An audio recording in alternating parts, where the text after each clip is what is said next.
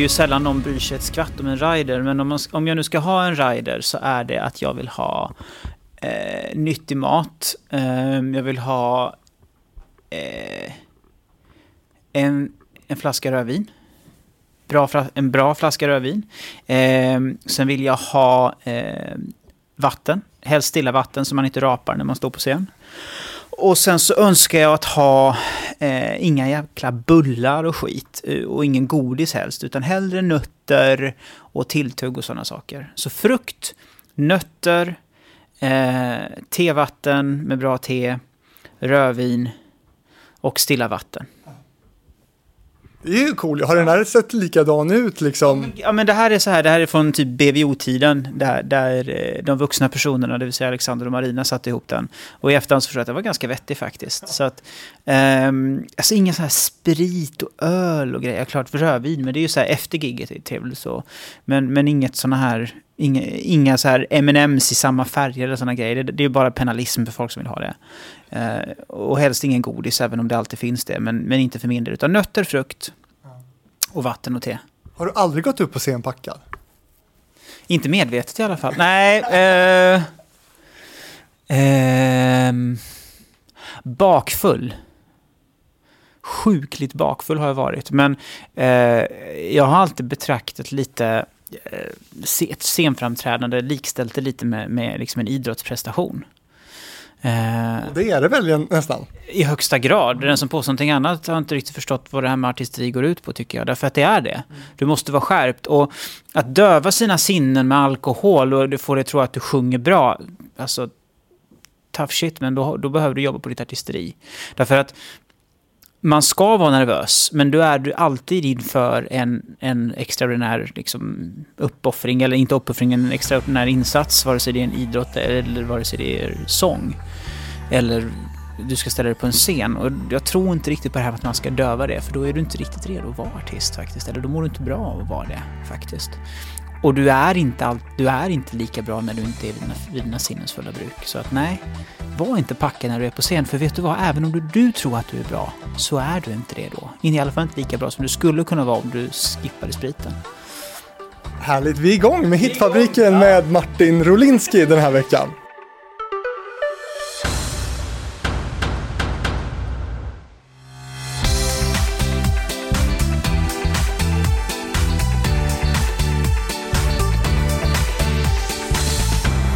Jaha, Hitfabriken med två stycken 82-or den här eh, Jaha. veckan. Alltså du är också en, en 82 Grattis, grattis. Ja. Vi är ju så här, vi, lite mitt emellan va. Vi är liksom inte millennials. Och vi, är, är vi X eller Y-generationen eller vad är vi för någonting? Vi, vi är någon sån här generation som är mitt emellan de som är helt så här digital, digitaliserat fucked up och de som är. 70-talister, som är ironiska 70-talisterna. Vi är så här mittemellan tror jag. Ja men precis, jag tänkte säga det. Vi är inte ironiska generationen heller. Vad är vi? Eh, jag tror att vi är trygghetssökande. Mm. Jag tror att vi är den här generationen som ehm, tycker att det är ganska viktigt att man har en, en skön familj eller vare sig det är med barn eller vuxna. Eller, alltså att vi, vi vill ha en trygghet. Vi tycker att det här med fast anställning inte är lika viktigt som de som var innan. Mm. Vi tycker att det här med pengar är trevligt men inte livsviktigt. Det är viktigt att man gör någonting som man tycker är betydelsefullt och att man har nära och kära, att man, man har tid till nära och kära. Vi är den generationen. Mjukisgenerationen är vi. Right here, right now kommer jag att tänka på nu. Ah, den ja. Det är faktiskt en av mina favoritlåtar som BVO gjorde.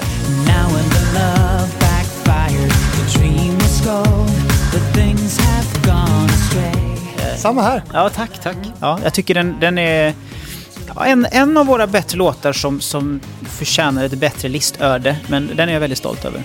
Fruktansvärt underskattad. Eh, ja, det finns ju låtar som blivit större hit som jag tyckte mindre om, som inte jag behöver säga i eten här nu, men, men den tyckte jag var en av de bättre. Det kan vi kanske återkomma till.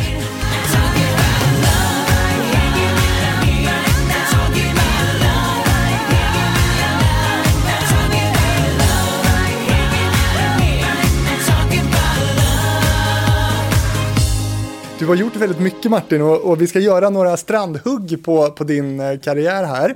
Eh, om du själv skulle bara så här inledningsvis beskriva din karriär för någon som inte känner dig, vad skulle du säga då? Eh, den ofrivilliga artisten. Eh, nej men jag... Eh, Jag, har, jag är ju inte den typiska artisten som har liksom gått på Adolf Fredrik och hållit på med musik i hela mitt liv. Utan jag försökte bli tennisspelare. Han spöade liksom duktiga tennisspelare genom åren, men det sket sig. Och så skulle jag bli civilingenjör. Det gick ju för sig, eh, men sen så råkade jag ställa upp på ett fyllevard och eh, sökte till ett program som heter Popstars för 42 år sedan känns det som. Ja, 2002 var det. Precis. Eh, och upptäckte att jag faktiskt kunde sjunga. Jag tyckte det, men det visade sig att andra också tyckte det. Och då tog jag, hade jag ett sabbatsår från, från pluggandet. Och, Men, men det var ett vad alltså, att du skulle ställa upp där? ja, det var, det var ett onyktert vad, svarar jag. Eftersom att mina polare trodde att jag skulle bo- göra bort mig. Jag sj- självklart någonstans i bakhuvudet tänkte jag att men nej, det kommer jag nog inte göra. Och, och, men jag har faktiskt fortfarande inte fått den där, den här barrundan som jag skulle bli erbjuden då. Ehm, nej, Sjukt dåligt. Ja, den, den, den växer med, med en grogg per år, så att den är ganska stor nu tror jag. Du har inte haft tid kanske efter det? Precis. Nej, men så, att, så att sen så bara kastades jag in i musikbranschen. Eh, I ett tidigt 2000-tal när musikbranschen befann sig i ett litet limbo. Eh, kom i kontakt med en producent som heter Anders Hansson som presenterade mig till Alexander Bard. Ingen av oss ville träffas, men vi gjorde det och vi kom väldigt bra överens. Och så skapade vi ett band tillsammans med Marina Shevchenko som hette Boris Without Organs. Men fick förenklat förenkla det till BVO därför att tyska skivbolagschefer hade svårt att uttala det. Eh, och sen så upplevde vi några härliga år med hits eh, och turnerande. Och så höll vi på fram tills eh, 2010-talet. Tills jag och vi alla bestämde oss att nu har vi tagit det här så långt vi kunnat. Och sen dess har jag eh, varit företagare på olika sätt. Gjort lite låtar och lite musikprojekt men framförallt fokuserat på att vara företagare. Skaffa barn. Det är väl det viktigaste jag gjort sen dess kan man väl säga. Två döttrar. Men du, vad är, det, vad är det största du har gjort, tycker du själv, eh, artistmässigt? Ehm, ja, men Men där du tittar tillbaka så känner, bara lutar dig tillbaka och känner, fan det där var fan coolt ändå. Alltså, eh, om vi bortser ifrån liksom, gig utomlands och sådär så tycker jag att det har funnits eh, scenprestationer som, som vi lyckades få till på i Melodifestivalen som var på den tiden ganska banbrytande. Eh, vi gjorde saker som inte någon hade gjort innan och som vissa har tagit efter och det kan jag känna mig lite stolt över. Något exempel, vilket exempel har du där? Ja, men, eh, hänga i en bur sju meter upp i luften som brinner eh, och samtidigt kunna ta en falsett hyfsat bra, det tyckte jag var ganska coolt. Det tittar du på på YouTube ibland. Eh, Alldeles för sällan. Eh, Det får nog faktiskt bli lite YouTube-tittare med mina, med mina barn nu när de är gamla nog att förstå att det där är pappa och att han gör konstiga saker. Ehm, ja, men det, det är jag lite stolt över vad vi lyckades göra där. Sen så är jag väldigt stolt över mäng, om man tar liksom hela låtkatalogen som vi lyckades skapa under en ganska kort tid så tycker jag att för mig som älskar välskriven popmusik så tycker jag att vi gjorde ett riktigt bra jobb. Faktiskt. Så det är kombinationen av några, några punktinsatser i Mello tillsammans med det generella låtskriveriskatten som vi lyckades få fram som jag är väldigt stolt över. Tittar du på Mello idag då med döttrarna? Alltså idag, idag är det med döttrarna man tittar. Jag, jag ska vara helt ärlig så hade jag inte följt Mello eh, så, så noggrant som jag hade gjort om inte jag hade haft två döttrar. För det är ju de som, som eh, nu är det pappa, nu måste vi kolla. Eh, men det tittar jag på ibland och eh, blir lite yrkesskadad när jag tittar på det. Jag kan inte, jag kan inte, eh, jag kan inte motstå och eh, vara petnoga med att men det där var ingen bra, det var ingen bra kameravinkel. Och, Eh, nej, men nu fick de inte fram låten på ett bra sätt. Och, men, snälla någon, nu får du tänka på uttalet och sådär. Så att man, man blir lite arbetsskadad. Mm. Jag undrar också lite över dina musiklyssningsvanor då. Uppenbarligen inte så mycket Mello. Vad, vad lyssnar Martin Rolinski på då? Alltså det är ju... Just nu så lyssnar jag mycket på musik som vi får in i en tjänst som jag håller på att bygga upp. Då, då som är lite så, här, så att nu är det så här pedagogisk musik för skolor och för körer. Så att, men om jag ska lyssna så här på fritiden, så just nu eh, bortsett ifrån julmusikdravlet eftersom att det här spelas in under julen då. då ehm, alltså, ärligt talat så just nu är jag inne i ett sånt här eh, i en, i, i en fas där jag faktiskt lyssnar väldigt mycket på musik från 60-70-talet bara för att. Ehm, ibland så känner jag, och jag låter så gammal när jag säger det här, jag vet det, men Kör. ibland så känner jag lite grann att med spellistornas och producenternas ålder som Spotify har fört in oss i, så finns det en tendens till att det kommer lite låtar då och då som är jäkligt bra. Och sen så blir det väldigt, väldigt, väldigt likriktat därefter. Det är lite spellistans förbannelse. Vilket gör att jag ibland tycker att lyssna på liksom så här, nya låtar här och nu blir att det blir nästan ännu mer repetitivt nu än vad det var förut. Så, att, eh, så därför tycker den gamla gubben om att ibland lyssna just nu på lite 60-70-talsmusik. Men det är klart att det, det, det, finns ju fantastiskt banbrytande artister. Och det, jag tror också att det är svårare idag att göra musik som står ut när mängden musik som släpps är så monumentalt mycket större än, än vad det var för tio år sedan bara. Det blir ännu svårare att utmärka sig. Ja, men alltså problemet idag, och det här, jag pratar med många eh, yngre artister och, och generellt sett om man liksom tittar på hur musikbranschen ser ut idag. Idag så ser ju situationen väldigt mycket annorlunda ut för en artist. Idag är du som en artist en commodity, du är en förbruksvara på ett annat sätt. Och det beror absolut inte på att artister var bättre förr i tiden, tvärtom, de är bättre idag, säg vad du vill. Utan det det handlar om är att du är en del av en spellista. Förut så var jag tvungen att, vi var ju en av de få, om inte det sista, så en av de typ tre, fyra sista svenska akterna som lyckades sälja 100 000 skivor i Sverige. Och det betydde att när du köpte en skiva, då investerade du väldigt mycket mer av din tid på den här akten.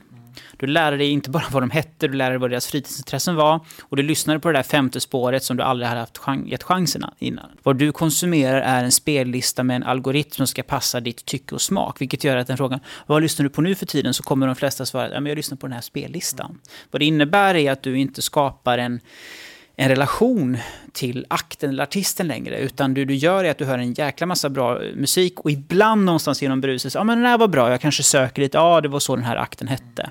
Men, det, ja, men precis, man hittar väl mycket som man gillar genom spellistor. Så är jag i alla fall, att man söker sig vidare och sådär. Men är, är du likadan? Du har också en spellistekille nu. Ja, men alltså jag, jag eh, orkar inte gå ner till skivbutiken för att den inte finns längre. Eh, utan, där, utan då blir det spellistor när man hittar någonting och så där hittar man någonting som, som passar den och så kanske man går in i liksom kaninhål, liksom Spotify-kaninhålet och söker sig in och lyssnar på det sättet. Men vi är också så himla mycket mer lata nu när det är så mycket mer information i omlopp. Så vi orkar inte ta till oss ny musik på samma sätt. Det är så fascinerande liksom. En, en, en, en artist som ligger etta på Spotify i Sverige idag är inte alls lika igenkännbar som en artist som låg etta på singellistan eller skivlistan för 10-15 år sedan. Det är ju någonstans konsekvensen av det.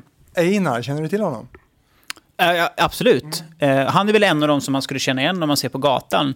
Men det är nog inte i samma utsträckning som en eh, Mando Diao när de låg på topp. Liksom. Då visste alla vilka de var. Så det finns ju en viss skillnad idag i, i hur artistens roll ser ut idag. Där är ju, tycker jag, kanske hiphopartisten en, en artist som har lyckats bryta sig igenom på ett bättre sätt, där man skapar en starkare identitet än vad till exempel popartisterna skulle vilja säga. Men nu ska vi snacka om Martin Rolinski, ja. både vad du har gjort och eh, vad du gör nu. Det kanske många som är, är nyfikna på. Vi sitter här på, på, i ditt kontor, eller ett konferensrum på ditt kontor. Ja, precis. Ja. Eh, nej, men nu för tiden så hinner jag tyvärr inte eh, skriva så mycket musik och jag hinner inte vara ute och, och gigga så mycket. Utan nu så brinner jag för ett företag som jag varit med och startat som heter We Are Voice. Och det är helt enkelt en musiktjänst, en musikplattform för alla som vill lära sig att sjunga eller spela tillsammans.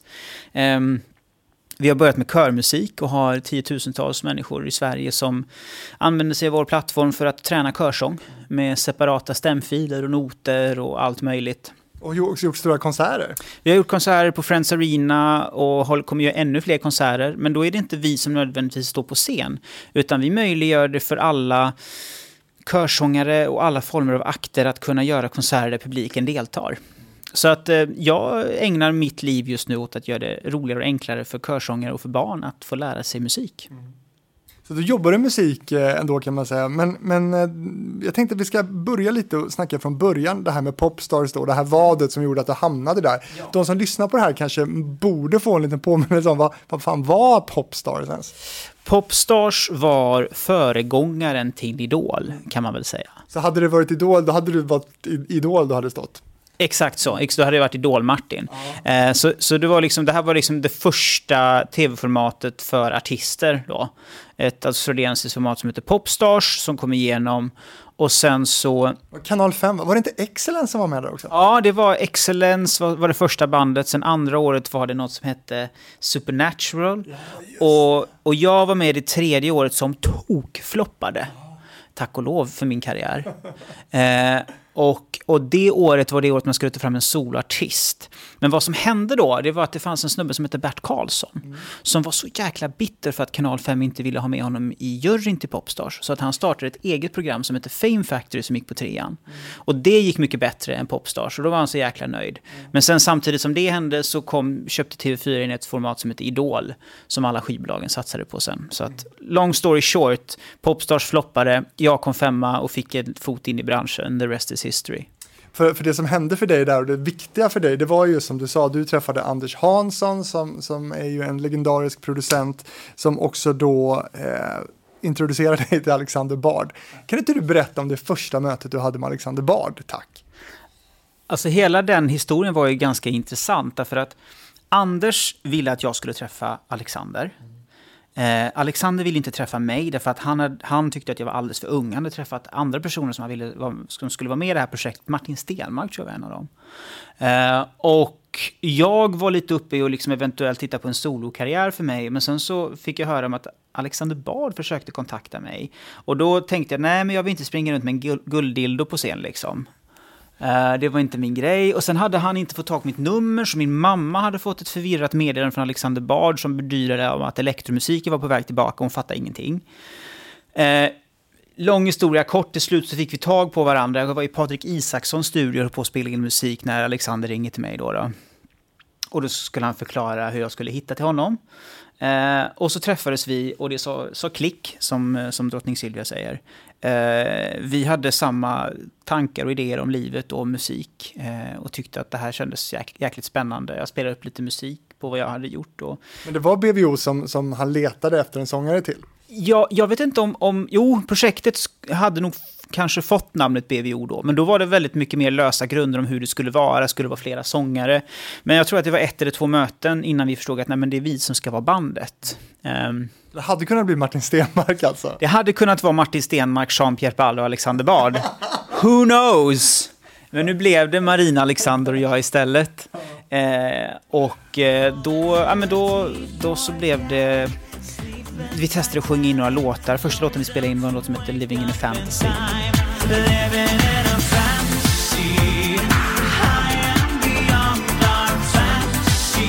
Kom tidigt som singel sen? Ja, det gjorde det. Så att den kom jag ihåg vi skulle sjunga in, gick sådär bra. Men sen andra gången så nailade jag den. Eh, och, och, det kändes så naturligt i studion med både Anders och Alexander. Och så ringde vi in Marina och vi klickade väldigt bra. Och Jean-Pierre var i ett läge där det kanske inte riktigt var hundraprocentigt läge för honom att gå med i bandet just då. Han var involverad, han, han var involverad i liksom musikvideos och så. Men det, alltså, han var ju med i BVO-familjen, så Jean-Pierre har alltid varit en del. Dels är det en underbar människa och han och Alexander har varit goda vänner och jag har lärt känna honom och tycker han är helt fantastisk. Så att han var alltid en del av familjen. Kreativt som var med och skrev Living in a Fantasy. Eh, och sen så... Sen så var han med i alla videor som vi gjorde, på, både kreativt bakom scenen men också framför kameran. Så att han var en del av vad vi kallar liksom familjen.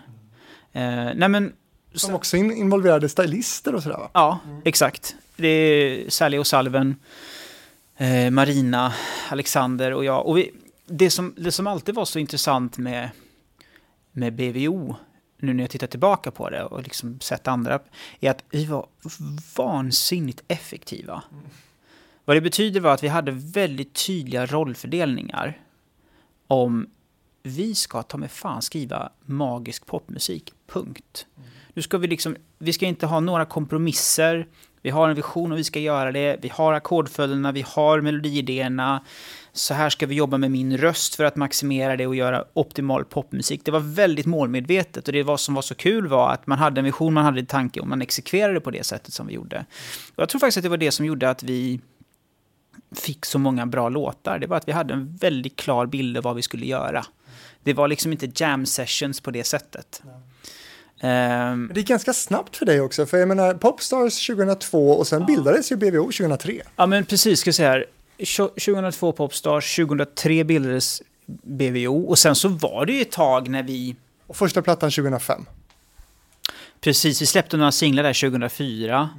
Och vi var ju lite av en udda fågel i musikbranschen och det var väldigt medvetet. Du hade liksom den här unga, straighta killen som sjöng och var väl någon form av frontfigur, om man nu kan vara det, ett band där Alexander Bard också finns. Och det lyckades du med va? Ja, det beror på vem du frågar. Nej, men, nej, men så, så, så var, och sen så hade du Alexander och Marina bakom. Alltså vi var ju inte det typiska bandet. Och det var väldigt medvetet från vår sida. Och det, det tror jag, det, det tog ett tag innan musikbolagen fattade det.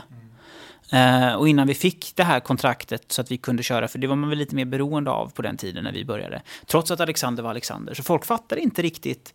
Eh, inga namn näm- nämnda, inga namn glömda. Men det var ju liksom de som inte, nej men det här, det här funkar inte, det här är inte det kidsen vill ha. Nej men det är precis det det här folk vill ha. Därför att det är bara kvalitetsmusik och det är folk som hållit på med musik. Och så fick jag lära mig fantastiskt mycket. Och vi var inte det typiska bandet och det var det som var vår styrka. Ehm, så att vi, vi höll på väldigt intensivt, spela in under hela 2003. Man kan säga att vi liksom formades som sommaren, sensommaren, hösten 2003 och, och våren 2004 spelade vi in. Och sen så gav vi ut det 2004. Och sen så smällde det till utomlands först, faktiskt. Ehm, vilket var väldigt intressant för mig. Jag hade knappt ens stått på en scen förrän jag fick, som fick göra en hel konsert i Ukraina framför 30 000 människor. Eh, med en skiva som inte ens var färdigmastrad. Det var väldigt intressant. Eh, var så övertänd så att jag slängde mig på knäna så det liksom blödde genom jeansen och allt möjligt. Eh, men det var, det var en jäkligt spännande upplevelse för det, det smällde till ganska fort med framförallt Living in a Fantasy. Som jag tror är faktiskt bland våra största hits. Inte i Sverige men jag tror vi låg typ topp fem i tio länder med den eller något sånt där. Och det gick ju bra i, i öst. Ja, men det var där det började. Eh, det gick jättebra i, i ja, men Ryssland, Ukraina, Bulgarien och alla de här. Och det är klart att jag tror att dels så hade vi melodiöst mollbaserad musik som funkar bra där. Dels har vi hela storyn med, vad, med Alexander. Så det var där det började någonstans för oss. Och i Sverige så började det ju hända 2005. Men då gick det väldigt fort. Jag tror att vi, vi, vi, vi blev ett band som folk bara tyckte att låtarna var väldigt bra. Så jag, tr- jag tror det var det mest spelade bandet i svensk radio 2005 och 2006. Din eh, halvpolska eh, bakgrund, hjälpte den till på något sätt? Nej. Alltså, nej, jag, jag, jag, jag tror inte det. Mer än att eh, Alexander, Marina och jag liksom hittade någonting. Han, eh, Alexander är honorary östeuropé på något sätt. Men, men det är klart att det hjälpte när vi var i, när vi var i Polen. Och där, där fick vi ju några hits. Eh, och det är klart att det hjälpte när man helt plötsligt började prata polska flytande med radio, radiopromoters och så vidare. Absolut hjälpte det. Men jag tror inte att det hjälpte liksom helhetsstoryn som sådan. Eh, men, men det var ju några ganska intensiva år där, 2004, 5, 6, 7 liksom, där vi höll på. Och sen i Sverige så blev det väl riktigt, slog det igenom ordentligt 2006 skulle jag vilja säga. Vi hade en massa hits 2005 och sen 2006 så var vi med i Mello ordentligt första gången. Det kommer vi också återkomma till. Men du, Alexander Bard, ska vi bara eh, avsluta eh, med honom? Det kanske är omöjligt, jag vet inte. Men kan du säga någonting om vad, vad han kommer att liksom betyda för, för dig? Eh, jag kan uppriktigt talat bara tala varmt om Alexander. Eh, han är förmodligen den mest intelligenta människa jag har träffat. Eh, och stödde och hjälpte mig enormt mycket. Jag kan bara dra en anekdot så här. Jag var en lusfattig student när vi började med, med BVO. Um, ehm, och vi hade inget skivbolag eller någon som satsade på oss. Och jag, han fixade en lägenhet åt mig. Och i ett halvårs tid så betalade han dessutom hyran för den. Och det är sådana här saker han inte hade behövt göra och som han hade kunnat samla in på ett senare sätt. Men eh, han är en typ av vän som har den här lojaliteten. Som faktiskt inte som är så vanlig och som kanske inte han förknippas med när man hör honom provocera i tv. Eh, men för mig så är han en god vän som är fruktansvärt irriterande att debattera med och diskutera med. Därför att han har alltid rätt och även när han inte har rätt så fattar han inte det. Eh, och är bra på att snacka om kullen ändå. Och det kan vara fruktansvärt irriterande. Men jag har jättemycket respekt och kärlek för honom. Eh, så att för mig så har ju han betytt såklart fantastiskt mycket. Dels så har ju han varit den som har presenterat mig in i musikbranschen. Men han har också varit eh, lite av en mentor. På samma sätt som Ola Håkansson var en mentor för Alexander. Som Alexander alltid säger med rätta. Så var ju Alexander lite av en mentor för mig. I att förstå vad det innebär att jobba med popmusik och kommersiell musik på riktigt. Alltså vad är det du behöver göra? Vad innebär det att vara artist på riktigt? Eh, vad, vad, vad, krävs för att, att sätta låten i första rummet? Alltså de här självklara men ändå små detaljerna som du behöver förstå om du, om du verkligen vill försörja dig på musik. Vad betyder det? Så det har, har han gett till mig. Men har, har, har man också kunnat ta då eh, debatter med honom rent musikaliskt om saker? Eller har han varit den här allvetande även när det gäller liksom, de musikaliska bitarna rent samarbetsmässigt? Eh, mycket bra fråga. Jag skulle säga så här att tydlighet är nyckelordet för att det ska funka med honom. Eh, och vad det betyder är att vi har rollerna, jag gör det här, du gör det här. Och om jag vill jobba på ett annat sätt, då måste jag bara förtydliga det för honom. Och så länge vi är raka med varandra på det sättet så funkar det bra. Och det är en av anledningarna till att jag kände att BVO hade kanske gjort sitt och han kände också det därför att jag ville jobba på ett annat sätt. Och det var ingen schism på något sätt utan jag bara insåg att det är så här jag vill göra. Så att jag tror att tydlighet är väldigt viktigt med honom. Att ja, men nu vill jag ta den här rollen. Och antingen är du med på det eller så är du inte det. Och är du inte det så kanske vi får gå vidare istället för att man tjafsar. Mm. Um, men stod du inte också i en väldigt beroendeställning till honom i, i det här? Ja, men jag skulle väl vilja säga så här att när BVO började och när vi jobbade, ja, å andra sidan, alla bandmedlemmar är i beroendeställning av varandra. Alltså, när vi träffades så var jag 20-21 år gammal. Det är klart som fan att inte jag hade koll på låtskriveri i den utsträckning som han hade. Men jag såg till att jag lärde mig så mycket jag bara kunde av honom och av Anders Hansson. Eh, och att försöka gå in och påstå att man skulle gå in och domdera och bestämma det första man gjorde när man var så färsk, det var ganska korkat av mig egentligen. Utan jag lärde mig och allt eftersom så, så tog jag en större roll. Så att jag tror liksom någonstans att vi var ju ett band med tydliga med tydliga roller och jag var väldigt bekväm med min roll hela tiden. Och jag tror att hade vi gjort någonting tillsammans idag så hade vi haft andra roller som jag hade varit lika bekväm med som representerar mer den kunskap och, och erfarenhet som jag har idag jämfört med då. Vad var din roll då skulle du säga i det här? Ja, men, bortsett ifrån det uppenbara att jag var frontfiguren och sjöng alla stäms och liden och hela den här biten, så växte den ju lite grann till att eh, vi utvecklade ju någonstans ett BVO-sound som till stor del baserades på min röst. I och med att jag har en röst som funkar väldigt bra när man skapar väldigt, väldigt, väldigt många dubbar. Så att jag och Anders framförallt jobbade väldigt hårt med att utveckla den. Så att det blev liksom The Wall of Rolinski som vi på något sätt tog fram det. Att, liksom att eh, en del av, av soundet var just att du ibland hade 20 Martin som sjöng samtidigt i olika stämmor och dubbar och så vidare. Så det var ju en del av det stora instrumentet bakom BVO. Men sen så växte min roll att jag var med i låtskrivarprocessen och skrev texten till en större del av låtarna allt eftersom vi jobbade på. Liksom. Så att för mig var det en, en resa som gick väldigt hand i hand med den tiden som jag ville lägga ner på det. Jag får komma ihåg att samtidigt som vi höll på med BVO så pluggade jag heltid på KTH också. Det är ju sjukt ju. Så att jag hade ju inte all tid i världen att göra någonting annat förutom att gå in i studion, sjunga, vara ute på turné och däremellan göra tentor. Ibland gjorde jag hemtentor på scen också. Så att...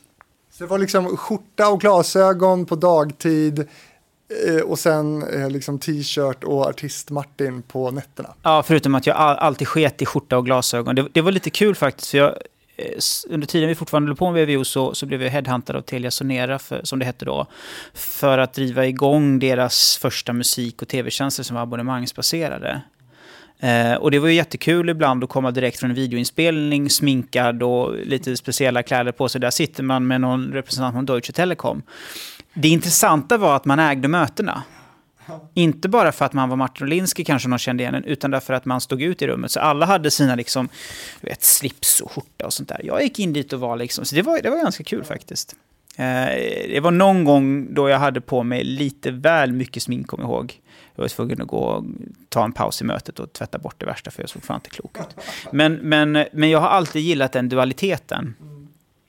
Um, och det är väl kanske också därför jag aldrig heller känt mig som bara en artist. Jag har alltid varit intresserad av en annan form av intellektuell stimulans. Och det är väl kanske därför Marina och Alexandra har gått så bra ihop. Därför att dels hade jag ju studierna parallellt med BVO och sen så efter det så jobbade jag med att lansera och starta musiktjänster. Och om jag tittar på det idag så skulle jag... Jag skulle inte vilja ha en karriär där jag inom citationstecken bara är artist. Jag har mer än någon respekt och förståelse för vad det innebär att vara artist. Men jag känner att det skulle inte, det skulle inte tillfredsställa mig. Och det är därför jag alltid har känt ett behov att göra någonting parallellt. Och tittar jag på vad jag gör idag så får jag åka runt och stå på scener, men framförallt så får jag jobba med kreativitet på ett sätt där man möjliggör för andra att lära sig att sjunga. Så typ best of both worlds. Ja, men jag menar, idag jobbar jag med upphovsrätt. Det är det jag har lite bakom kulisserna jobbat med i 15 års tid, stenhårt eh, upphovsrätt och teknik. Eh, och idag får jag lägga till den tredje komponenten, vilket är musik. Så att tillgängliggöra musik för andra genom teknik och upphovsrätt, det, det är det jag brinner för, faktiskt. Eh, och jag hade inte kunnat göra det idag om inte jag hade fått de insekterna och de kunskaperna jag fick genom att vara artist också. Och ditt 2000-tal blev ju väldigt framgångsrikt och vi har varit inne på Östeuropa men även på andra sätt. 2006 i Sverige så fick ni Grammis för årets popgrupp. Ni vann årets svenska grupp, fick en rockbjörn för det. Ni vann årets grupp på QXG-galan. Ni blev årets svenska grupp på Energy Radio Awards. Ni blev eh, årets svenska grupp på Nickelodeon Kids Choice Awards. Eh, inte? Nej, det, det, det, fick jag veta det. Ja. Var är det priset någonstans? Ja, det frågar du Alexander. Han, han, de, de hade en magisk förmåga att försvinna de där priserna. Jag har en massa guldskivor och lite priser från Melodifestivalen om att vi var den bästa akten. Har jag hemma. De, de, de, de, de, där, får, de där tar jag. Så. Precis, för eh, 2006 fick ni också då Marcel eh, Bensicons Press Award då, där pressen röstade fram sin favorit eh, 2006 i Melodifestivalen. Sen 2007, Årets svenska grupp, Rockbjörn, återigen och så vidare och så vidare. Eh, det låter ju bra det här. Ja, men det, det, är kul när det går bra. Ja. Nej, men det, jag tror att det var väl lite höjdpunkten för oss i Sverige. Mm. Vi hade liksom grundlagt det genom att vi spelades ju sönder i princip på radio 2005. Och följde upp det genom att vi breddades 2006. Så där stod ju någonstans, Melodifestivalen skulle jag vilja påstå stod lite i sitt senit. 2006, 7, 8, 9, 10 där någonstans. Där genom att du kom långt i Melodifestivalen så fick du dessutom rejäla hits på radio. Nu har du börjat komma tillbaka lite där liksom. Men Melodifestivalen, även om det har varit populärt så har inte alltid Melodifestivalen varit kanalen där du får hits. Och, och, vi, var ju, vi, vi slog igenom Melodifestivalen vid rätt tidpunkt kan man väl säga. Och BVO, ni, ni siktar ju ganska direkt snabbt på att vara med i Mello. Ni började 2005 eh, och eh, då framförde ni Gone. Eh, femte plats i deltävlingen där. Förvånade det dig? Ja, men Gone var lite av en olyckshändelse. Now, now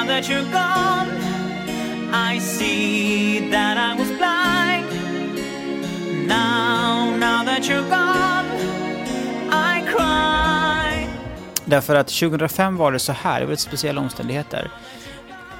Vi sökte inte till Mello, utan det var en gammal låt som Anders Hansson och Mårten Sandén, eller vet han, Mårten, står still på mig, Mårten Eriksson kanske han heter, hade skrivit för länge sedan som hette Gone. Och den kom med. Uh, och då blev det på något sätt naturligt att, vi, att jag skulle sjunga på den, BVO skulle framföra den. Så vi bara, ah, jag vet inte. Ah, ah, men fan vi kör. Så det, det var inte särskilt planerat. Men var det rätt låt att börja med? Nej, alltså vi, test, vi, vi, vi, vi, ja, men vi, vi testar, jag, jag lägger på vocals på den och kollar liksom. Det funkar det, men jag tror som låt så var den väl kanske inte representativ för vad vi var soundmässigt just då. Men vi tänkte, äh, det, det kameratid, allt är bra. Ja. Ehm, och sen så var det ju inte någon flopp och hela den här biten och, och så. Ehm, men, men det var ju liksom, där doppade vi lite tårna i vattnet. 20, 2006 var ju en helt annan eh, helt annan förberedelse från vår sida. För jag tänker att ni hade ju tagit ett, ett, ganska stort kliv in med Living in a Fantasy som var debutsingel och låg högt på listorna och hade ju sitt speciella sound och som du sa gick bra i. Ukraina, Ryssland, skriven av då Anders Hansson Bard och mm. Jean-Pierre Barda. Eh, och den var ju på något sätt, den satte ju lite tonen för vad man trodde var BVO och Gon kanske inte rimmade så bra med det. Nej, för då hade vi ju, då hade vi ju 2000 var det bara Open Door, eh, 16 Tons of Hardware, Conquering America, Sunshine and the Rain, eh, Voodoo Magic, jag vet inte om den hade ens släppts då. Men då hade vi liksom hela den här första Prototype-plattan. Mm. Jag tror att vi hade typ 6-7 singlar som kom topp 10 i Sverige. Det var helt galet med den. Um, Många av dem är ju betydligt tydligare än Gone kan man ja. säga. Så att, så, att, så att Gone var ju lite den udda fågeln i sammanhanget. Eh, så att nu i efterhand så känner, vi, känner jag väl att ja, vi förlorar inget på att vi var med i GON, men det är ingenting vi kanske hade liksom kör, satsat på ändå. Um, så då blev det på något sätt som att Gone blev lite ett sätt, det var liksom ett tv-program ungefär lite granna. Men de här tidiga hitsen då som Sunshine in the Rain, Open Door, Conquering America, det var ju tre tidiga hits från er och riktigt så här bra poplåtar. Var du alltid med på, på låttåget eller var det någon gång som du kände så här att, Eh, eller var du mer tveksam någon gång till någon låt? När vi skrev Prototype så de första låtarna vi gjorde nu, det var ju, ja, men det var ju Living in a Fantasy, en låt som hette Son of a Gun och lite sådana här Walking the Night var de första. Eh, Conquering och 16, eh, Conquering America och 16 var också med ganska tidigt. Och sen så lite senare i albumet så kände jag att vi saknades lite låtar. Och då kom Open Door in där i ett skede och sen lite kort där på så dök Sunshine igen. Så Sunshine var en låt som, som skiljer sig lite. Och den gick jag inte igång på först, måste jag säga. Men det där är en sån här låt som sätter sig på en som bara växer och växer och växer.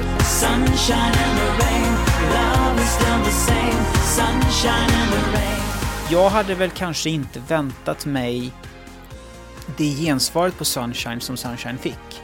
Fram tills jag hörde den på radio och då fattade jag liksom vad det var, vad, vad klistret med den här var liksom. Ja, vad var det för något? Um, dels så, framförallt i England som det faktiskt blev en hit också, eh, var det texten. Jag tycker det är den överlägset bästa texten som vi har gjort eh, Sunshine and Rain. Eh, ett, ett, en modern låt om långdistansförhållanden kan man väl uttrycka det som. Fattar ju att det går bra i England också. Ja, ja men... Ja, men Ja, precis. precis. Ja, men den, den var, den, liksom, den var tongue in cheek på rätt sätt. Eh, och sen så hade den någon form av dansbandsvibe över sig. Den låg ju etta på Svensktoppen, vilket vi var helt chockade över. Och dessutom så tror jag att den var, om inte den fick så var den nära att få en guldklav dessutom.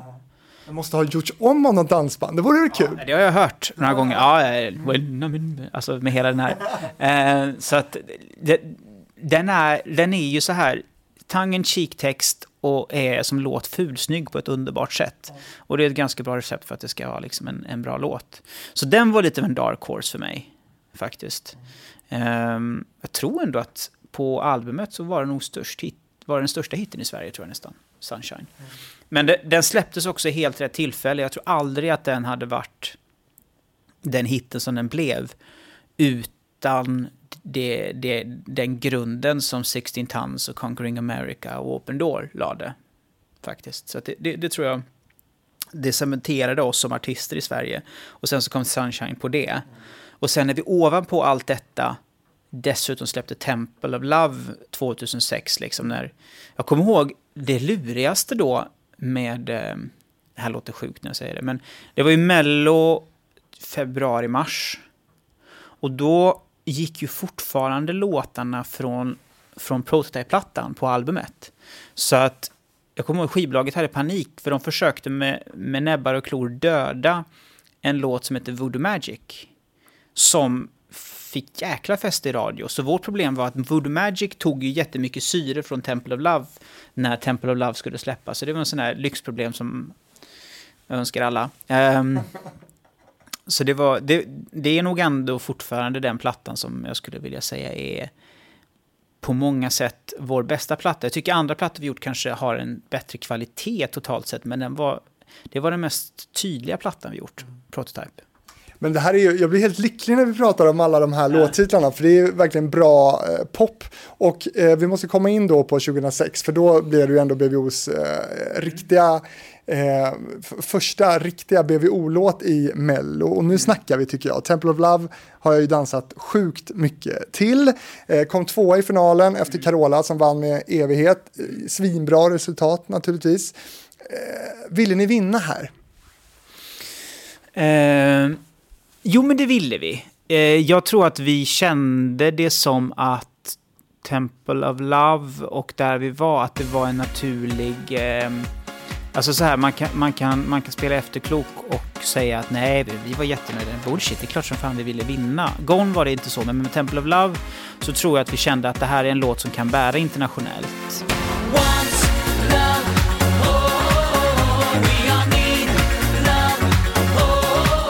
Men jag tror att vi alla förstod någonstans att förutsatt att Carola med hennes story, om inte hon släpper om inte hon liksom står på en scen och sjunger ukulele och försöker jojka så kommer hon ju vinna. Så det fattar vi ganska tidigt. Um, med den låten också? Ja, men hela den grejen med den, eh, den, den höll. Låten höll och när, när låten håller och leveransen håller som den alltid gör från henne så visste vi någonstans om att målet var att försöka komma tvåa. Eh, och det lyckades vi med och blev ändå radiomässigt den största hitten tror jag. Om inte det var någon annan. Men den, den blev ändå liksom en riktigt stor hit. Jävligt bra Temple of Love enda man skulle kunna säga är ju att den är lite repetitiv då. Ja men det, det var väl det jag... Om, om du ska be mig idag jämföra Temple of Love med den vi hade några år sedan, The Lay of Love, Love, Love, Love. Eh, så tycker jag att Lay of Love är en betydligt mera komplett låt. Temple of Love slu, hade en... Jag, jag, tycker så här, vi skulle kanske tagit några varv till med Temple of Love i låtskrivandet så att det inte bara blev en hejaramsa. Eh, det kan jag väl tycka. Men det kan man vara efterklok med.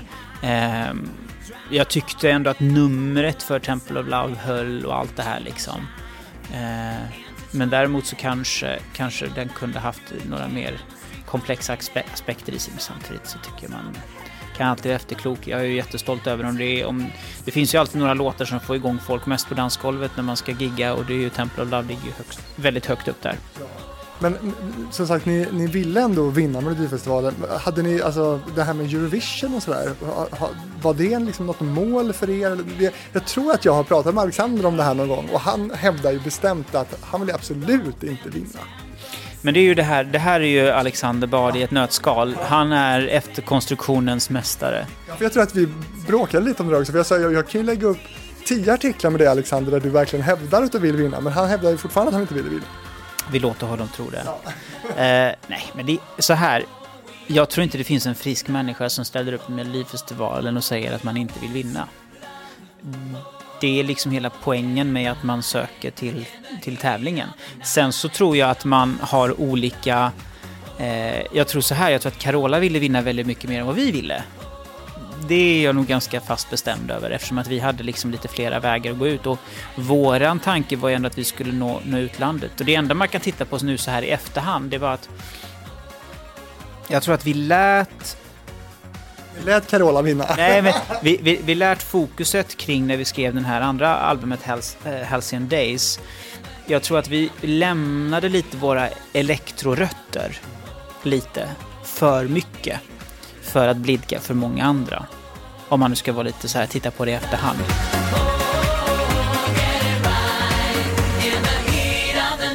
Eh, jag tycker att låtmässigt så tycker jag att Halcyon Days hade vi fantastiska låtar. Men jag tycker att vi skulle varit lite mer elektrofokuserade om man nu ska titta tillbaka på det tio år senare.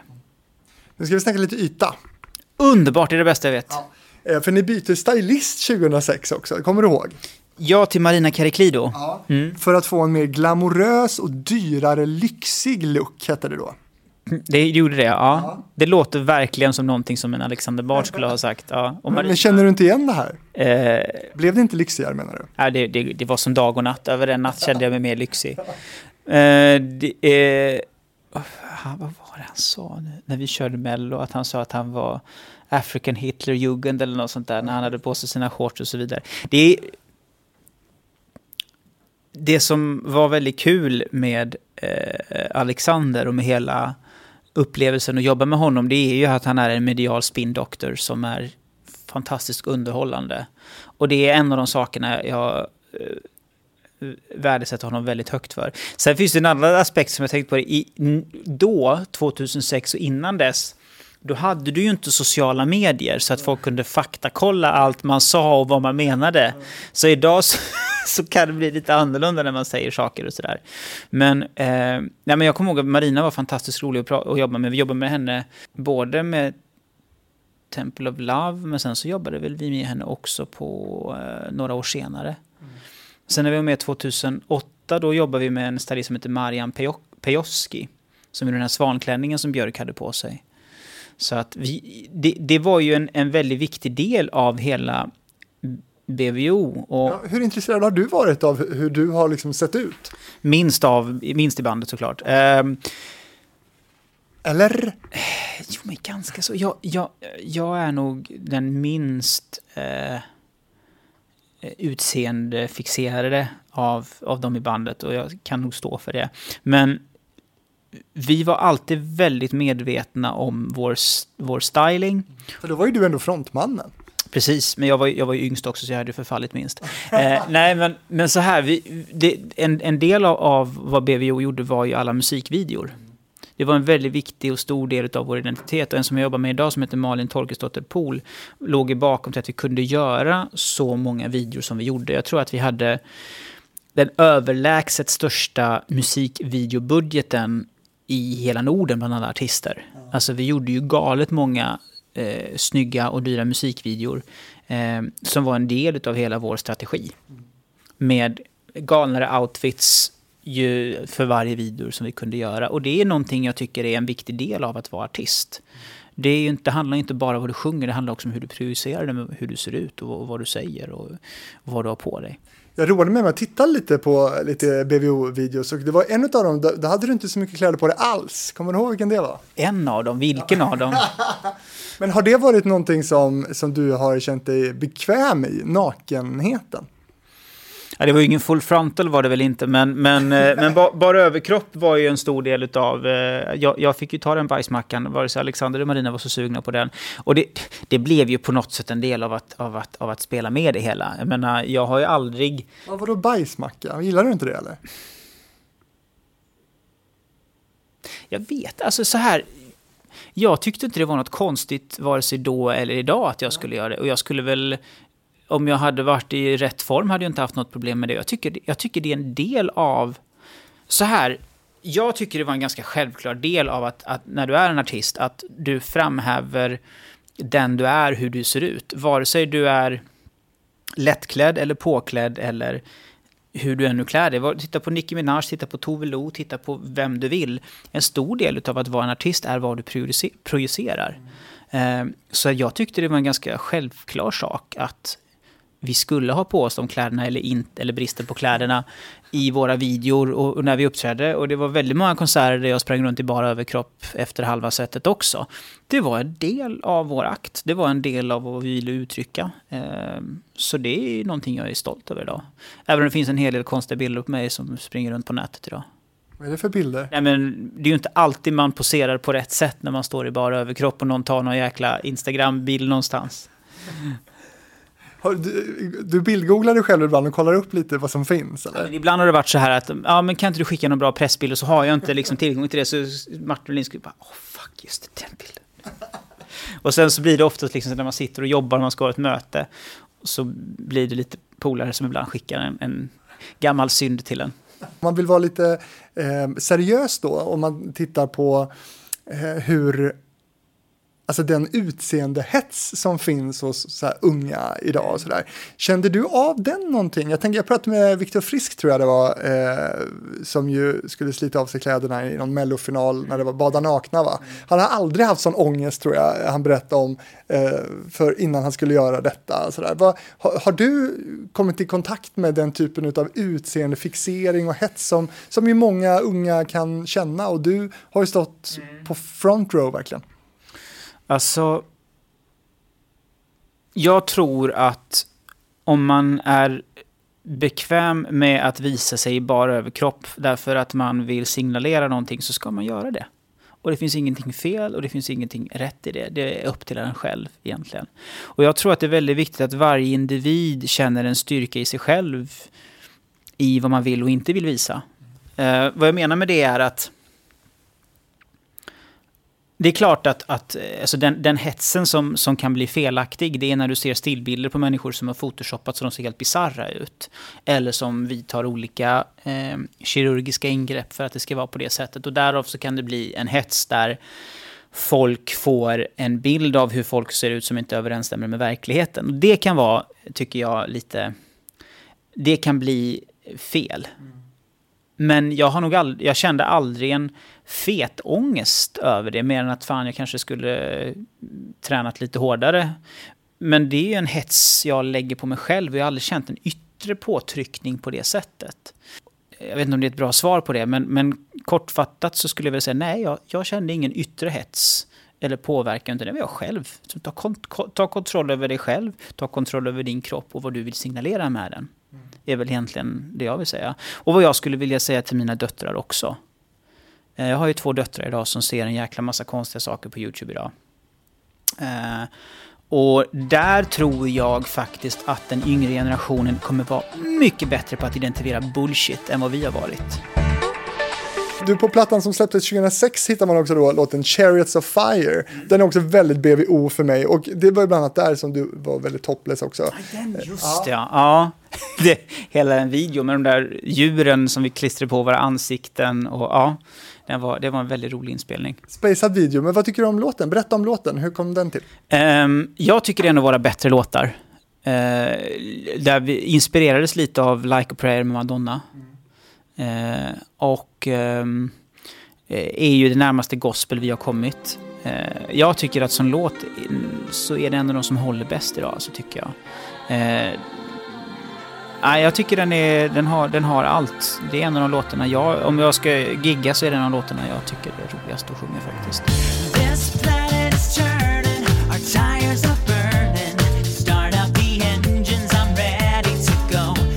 Och den blev ju en hit i både Tyskland och England också faktiskt. Det är viktiga marknader. Ja, så att, så att uh, Sunshine in the Rain och uh, Chariots of Fire var faktiskt, förutom Östeuropa, de som lyckades bäst i Västeuropa. Och jag tror, jag tycker att Chariots of Fire är så pass stark så den håller än idag. –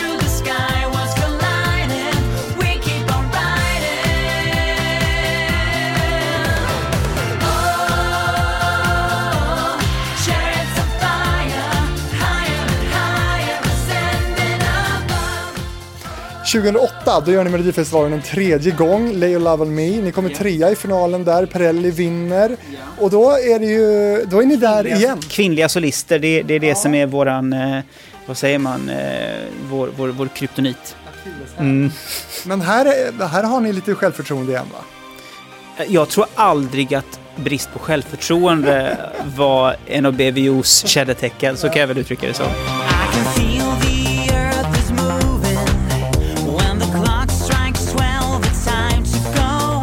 Den skrevs ju ihop med Bobby Ljunggren.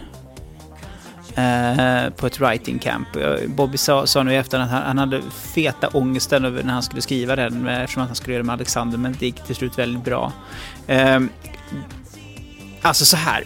Eh, låten, precis som väldigt många av våra låtar, har ju väldigt många sexuella anspelningar egentligen, även om man kan tolka det på olika sätt.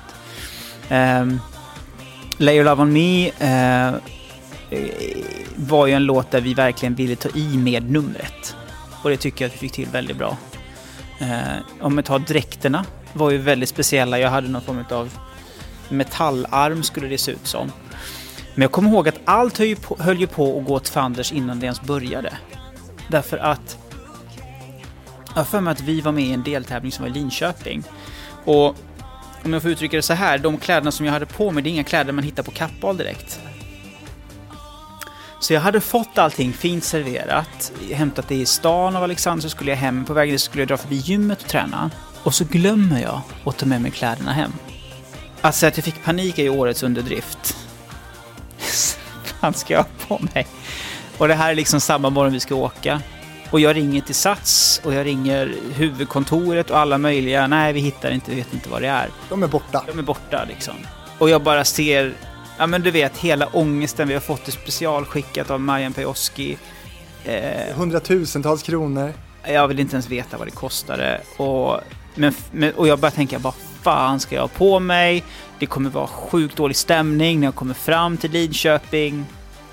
Men sen så åker jag bara förbi en sista gång för att kolla. Ja, men fan vi hade någon ask här. Och så i sista stund, precis innan Alexander står utanför och väntar, vi ska åka till Linköping. Så hittade man kläderna och så var det som att inget hade hänt. Så det var fantastiskt. Um, så det var lite, lite fet ångest. Men, um, men det var... Det var... Det året tror jag inte vi hade förväntningar på att vi skulle vinna. Det tror jag vi hade med 2006 om jag ska vara helt ärlig. Ehm, men däremot så tycker jag att vi hade en väldigt bra låt och ja, men det, gick, det gick väl ungefär som vi trodde det skulle göra. Det var väl på något sätt kanske den största satsningen scenmässigt som vi gjort i Melodifestivalen tror jag.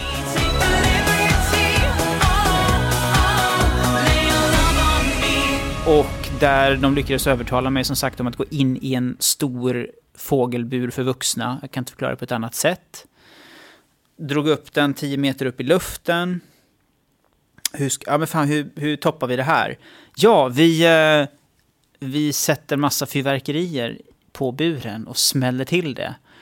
Och det gick ju inte alls därför att jag fick ju annöd på grund av all rök. Så då fick vi komma dit med Carola-fläkten som man kallar det för att liksom blåsa bort allting. Liksom. Ja, det, var, det är en av de bisarrare grejer jag gjort på scen faktiskt tror jag.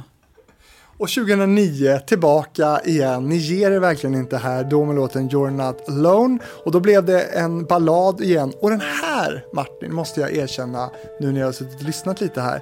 Den hade jag helt glömt bort. Ni gick till andra chansen och slogs ut av Lili och Susie. After the rain I could see you crying, suffer the pain. Då var det just... Kommer du ihåg det? Du ser också lite fundersam ut. Jag, jag kommer ihåg att det var så här att det året så hade de ändrat reglerna. Jo, så var det. Att i varje deltävling, ettan gick vidare direkt och sen så tyckte man att det här med dueller var så jäkla kul. Så då fick tvåan och trean ställa upp om att tvåan gick vidare till final direkt och trean gick, gick vidare till andra chansen.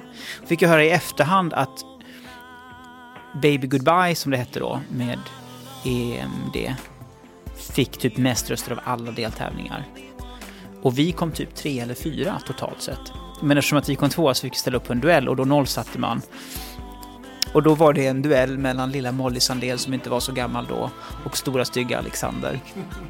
Och då gick det som det gick. Eh, och jag tror väl också så här lite grann att då var vi redan lite granna att vi hade känt att vi hade drivit och tagit BVO så långt som vi kunde. Alltså vi var jätteeffektiva, funkar som ett välgjort maskineri, men det förutsätter att du inte börjar upprepa dig själv. Och jag tror att vi alla någonstans kände om att vi hade tagit hela det här bandprojektet så långt som vi kände just där och då. Så att redan, redan under tidigt liksom 2009-tal så kände vi att det började liksom... Och jag gick runt i föräldratankar också. Så att redan där så tror jag att vi någonstans alla kände att det kanske, det här är nog sista, sista grejen vi gör ordentligt. Och det, mycket riktigt blev det ju så också. Men låten liksom, hur, berätta om den, trodde du på den? Ja men det var ju en, eh, Fredrik Kemp var ju med och skrev den. Nej men jag tycker att låten som så håller fortfarande. Jag har nog, jag har nog inga, jag tycker att You're Not Alone är bättre som en Gone till exempel, det tycker jag. Sen är det inte en partylåt och jag ser någonstans logiken i att vi gör låten You're Not Alone en ballad framför två stycken upptempolåtar. Det hade känts lite tungt att göra eh, och göra en tredje upptempolåt. Det hade varit lite repetitivt. Och ärligt talat så har ju många av våra största hits varit ballader, så det var ju inte konstigt att vi gjorde det. Um, sen sen uh, vet jag att det var stod mellan två låtar. Folk kanske var lite mätta på BBO då, faktiskt.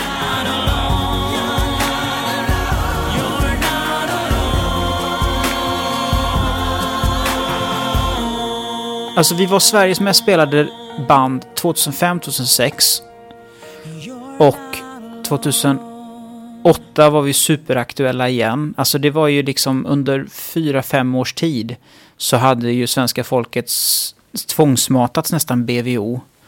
Och Alexander Bard och alla kommentarer och alla videor. Att jag, så att jag tror att någonstans där på den ganska korta intensiva perioden så var nog både vi och folk kände att det var nog ganska lagom nu. Mm. Faktiskt. Så kan man ju ja. möjligen tolka det faktiskt. Eh, 2008 så blev The Bells of Freedom årets Europride-låt. Varför fnissar du nu? Da, da, da, ja. ja. Uh, du berättade om, om uh, gayfansen. Ja, men det var... Det var en av de härliga ynnesterna med att vara med i ett så pass tydligt gayvänligt band som, som, som BVO eh, var och är, kan man säga. Eh, det är ju den kärlek och värme som möttes överallt. Och jag, jag, tror snarare att det var en styrka med BVO att du hade Marina, Faghagen höll jag på att säga, Alexander och mig som var straight, som tillsammans skapade det här, den här, det här lilla, lilla egna regnbågsflaggan i bandet på något sätt. Där vi var väldigt olika men ändå väldigt lika som jag tror snarare bara gjorde oss ännu starkare som, som, ett, som en, eh, som en gayakt om man får uttrycka det så. Ehm, och ehm, fick resa runt hela världen och, ställa, och, och köra på olika eh, Christopher Street Day Parade eller Pride, Pride-dagar. Eh, och det var en av de roligare sakerna faktiskt. Och, och, man insåg också, för min del som, som inte varit i den, liksom den kulturen, vilken härlig, stor och internationell community gayvärlden och hela Pride-festivalen och allt det här faktiskt är. Det är en jättestark, eh, det är en jättestark folkrörelse skulle jag vilja kalla det, som, eh, som dryper av värme och kärlek till dig också kanske? Har det varit många gays som har varit olyckligt kära i dig? Um, ja.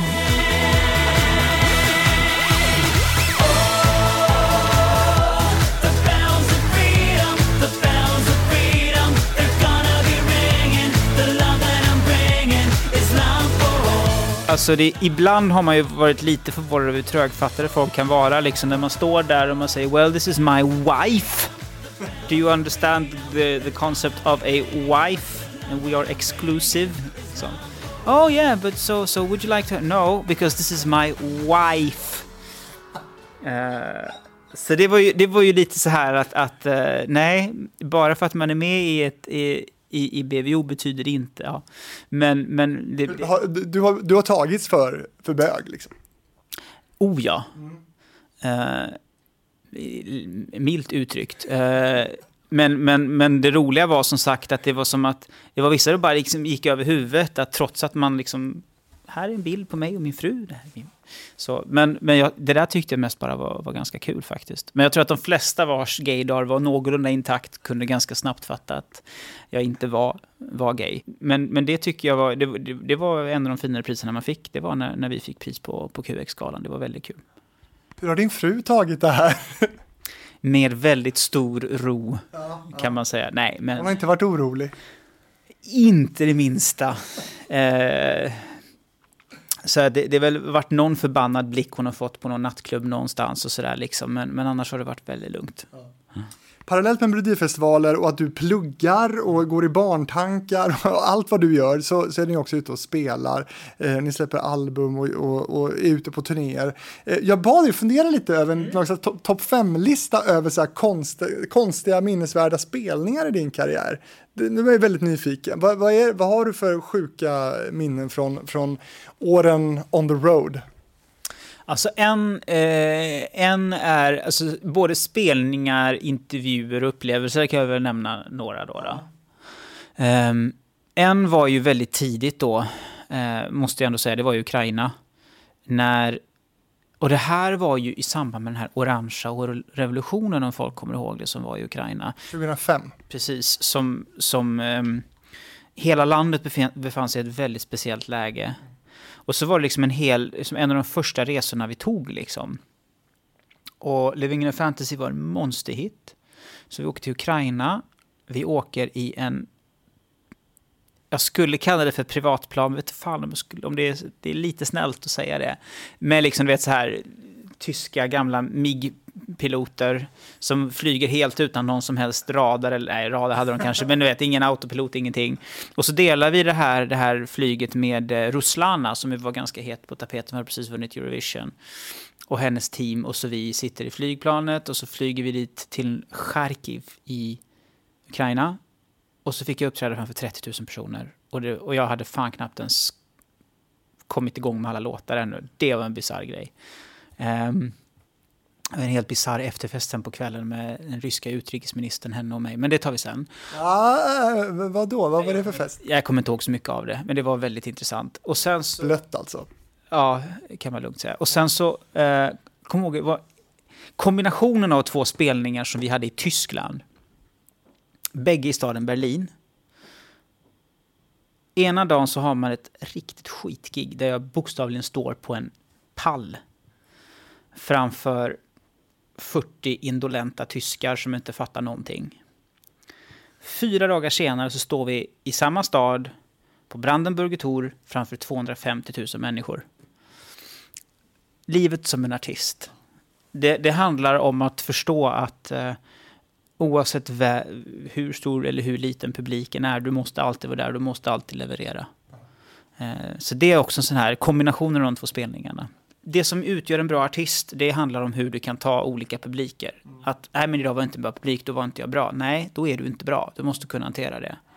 Så, så det är ju två sådana här upplevelser som är lite svåra att, att liksom bortse ifrån. Sen kommer jag ihåg att jag fick eh, leka lekledare en gång på ett gig i Sverige. Någonstans djupt inne i Sverige, jag minns inte. Jag tänker inte nämna orten för då kommer jag få många ovänner. Men det slutade med att jag mitt i gigget ser att det är bråk mitt på dansgolvet. Och bara stoppa musiken! Och det slutade med att jag fick publiken att göra vänskapsövningar med varandra. Det här var liksom en ganska ung publik. Så här, nu klappar vi på axlarna och så vänder så klappar vi. Och folk var inte så nyktra då. Alla gjorde det och det blev sjukt bra stämning. Och sen efter det så smällde vi på med Temple of Love och det var världens ös. Så det är också här, lekledare med 3000 tonåringar ja, alltså totala melloupplevelsen i det stora hela. Där, där, kan jag väl säga så här, någonting som man kanske inte pratar så mycket om, om jag får säga någonting positivt om Melodifestivalen. Alla snackar skit om att det var så dåligt i år och allt det här. Men om vi tar en litet nyktert perspektiv på Melodifestivalen så är det ett tv-program som har resurser som inget annat tv-program kommer i närheten av. Vi glömmer bort det här. Alltså du kan ta ditt Idol och alla de här andra. Men Melodifestivalen sitter på grund av olika upplägg på en budget och en möjlighet som inget annat tv-program i Sverige kommer i närheten av. Vilket gör att slutproduktionen håller världsklass. Det är så nära Super Bowl vi kommer kunna komma och vi håller en jäkligt hög nivå. Och det beror på att artisterna kan repa på ett sätt som de aldrig får göra. Och du har ett team där du har samlat eliten på varje position. Att få jobba med Melodifestivalen som artist när du vet hur duktiga människorna är, är en, o, är en unik ynnest som eh, jag kan varmt rekommendera till varje artist att njuta av tillfället när du kan det. Och det var kanske var därför som du dök upp igen då, solo 2013 med In and Out of Love. Eh, då var det skjorta och slips och sådär, ingen rymddräkt eller så. Nej, då hade Martin blivit vuxen.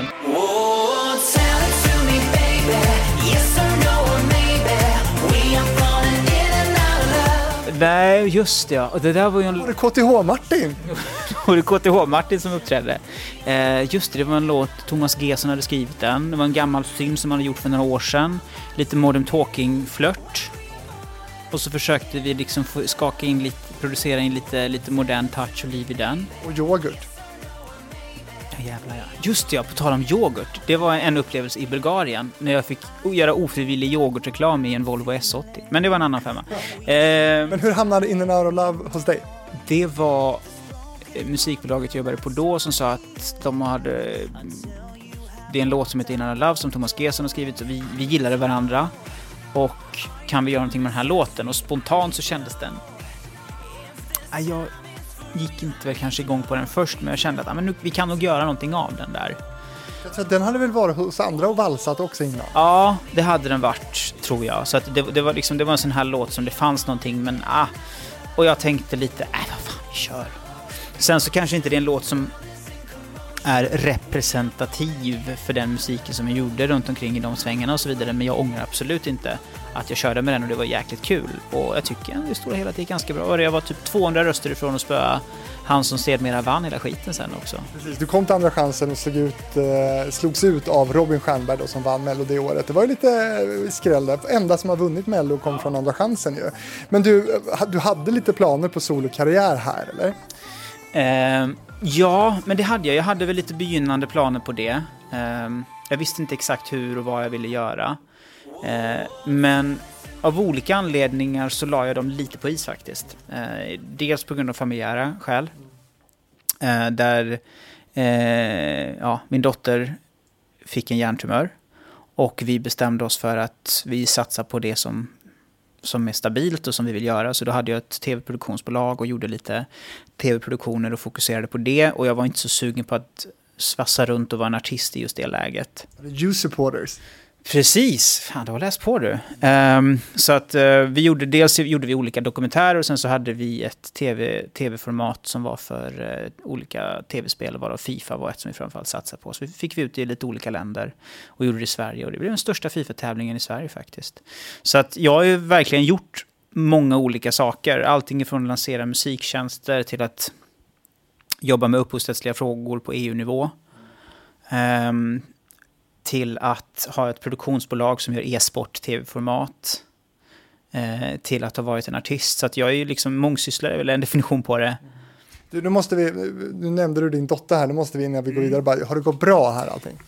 Det har det. Eh, vi lever i en tid, tack och lov, då medicinen har gått fantastiskt långt framåt. Så att idag, peppar peppar, är vi i en situation där inga mediciner eller någonting behöver tas utan man behöver bara göra regelbundna kontroller. Det är någonting jag inte önskar någon annan människa såklart. Tittar man på det i efterhand så är det sådana, såna, såna typer av upplevelser som får en att inse lite vad som är viktigt här i livet också. Du, vi närmar oss slutet här Martin. Eh, jag tänkte bara fråga, vilken låt gör dig lyckligast att sjunga? Av mina egna eller? Ja, ja det får vi säga. Ja, är det Barcelona? Jag, en låt som jag tycker som vi har gjort, eh, som är en av mina favoriter, som kanske inte blev en hit, eh, det är We Could Be Heroes. Den tycker jag är, är, riktigt bra. En ballad som heter We Could Be Heroes. Eh, right Here Right Now tycker jag väldigt mycket om. Och sen är Chariots of Fire en låt som är väldigt rolig att köra också. Måste jag säga. Um, men sen så är det lite nya låtar man har gjort. En låt som heter Golden Race tycker jag. Även om det inte är liksom någon större satsning. Men den tycker jag var väldigt bra. Uh, ja, men det får bli Chariots of Fire. Martin Olinski, tack för att du var med i Hitfabriken. Tack för att jag fick vara med.